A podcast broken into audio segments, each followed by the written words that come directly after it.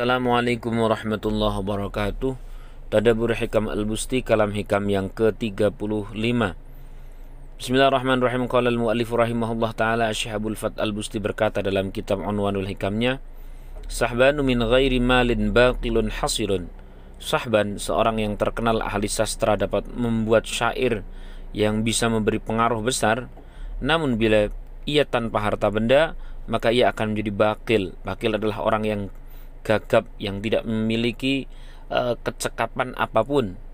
Uh, sedangkan wabakilun fi thara'il mali sahbanu seorang yang bakil bakil pakai qaf adalah orang yang uh, gagap tadi itu bila dia diliputi oleh harta bertumbuk dengan harta maka ia bisa menjadi sahban seorang yang memiliki pengaruh karena syair-syairnya Saudara-saudari rahimakumullah, kali ini Sahabul Al Sahabul Fat Al Busti membicarakan tentang pentingnya harta yang berada pada orang yang soleh.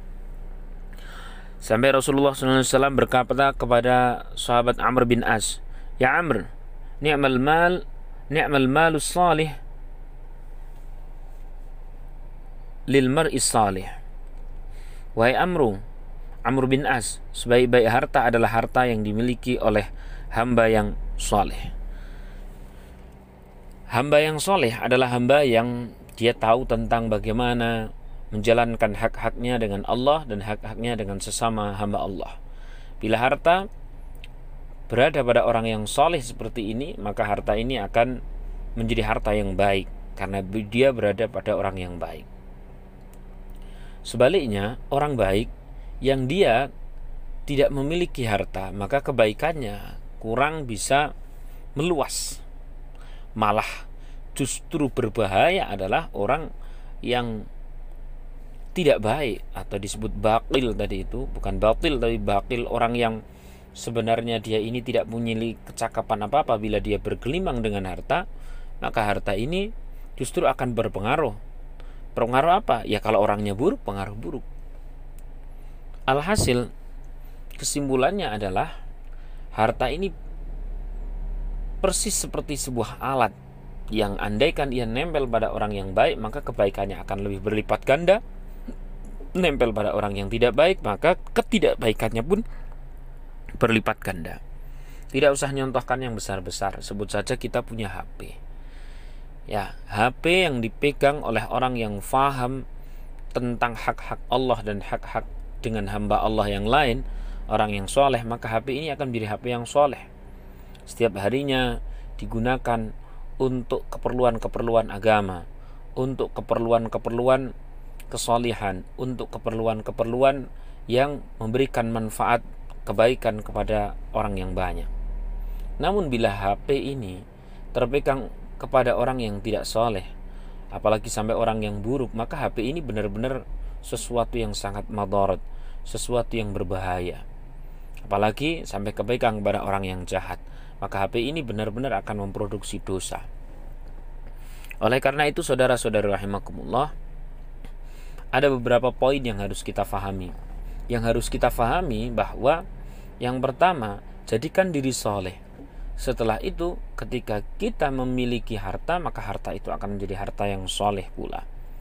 Nah, kalau diri kita belum soleh lalu Allah Subhanahu wa taala menitipi harta, maka ketidaksolehan kita itu juga akan terletak pada ketidaksolehan harta.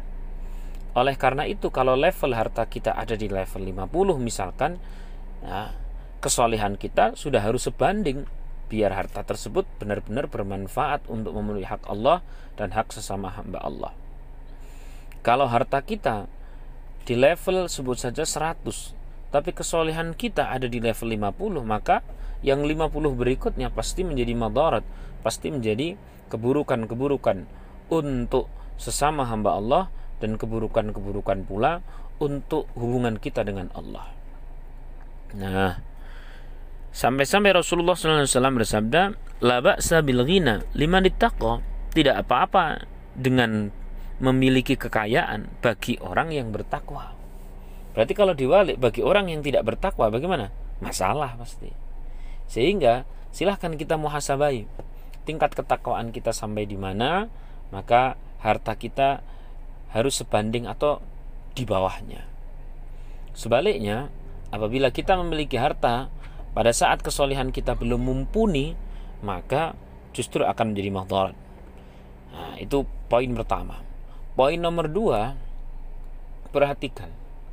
Saking sayangnya Allah Subhanahu wa taala, terkadang kita sudah ikhtiar yang luar biasa untuk mendapatkan kekayaan. Sudah berdoa yang luar biasa untuk mendapatkan kekayaan. Namun Allah Subhanahu wa taala juga belum memberikan kekayaan untuk kita. Uang juga belum juga ngumpul. Terus kemudian usaha belum juga maju, belum juga segera uh, bangkit dan sebagainya. Jawabannya simpel. Boleh jadi Allah menyayangi kita. Kenapa? Karena takwa kita masih lemah. Bila dikasih harta, ini persis seperti anak kecil dikasih pisau. Justru akan berbahaya untuk diri dan berbahaya untuk orang lain. Oleh karena itu siapa yang ingin diliputi oleh harta dalam kondisi harta itu benar-benar bermanfaat di dunia dan di akhirat untuk diri dan orang lain, solihkan saja dulu, solihkan saja dulu. Menjadilah yang bertakwa, maka ketika Allah Subhanahu wa taala menilai bahwa kita diberi harta benar-benar akan terhindar dari kemadaratan dan dapat menghasilkan kemanfaatan, dapat menghasilkan pahala, dapat menghasilkan keridhaan Allah, maka pasti dikasih. Bila sudah pantas, maka pasti Allah akan memberi kita sesuai level ketakwaan kita. Nah, alhasil bukan soal bagaimana ikhtiar kita untuk mencari uang, namun yang menjadi soal adalah ikhtiar kita untuk pantas dititipi uang. Bukan soal ikhtiar kita untuk memiliki mobil, tapi ikhtiar kita untuk pantas memiliki bagaimana agar mobil itu bermanfaat dan bukan mudarat. Bukan soal bagaimana kita mencari kekayaan kekayaan-kekayaan, tapi coba pantaskan bila kita diberi kekayaan maka kekayaan itu akan manfaat. Bila memang demikian, maka Allah pasti akan memberi pula. Sebab Allah Ar-Rahman dan Ar-Rahim. Dalam hadis yang lain, Rasulullah SAW bersabda, "Qad aflaha man aslama wa kafafan." Sungguh sangat beruntung orang yang telah masuk Islam dan diberikan rezeki oleh Allah yang dapat mencukupi dirinya.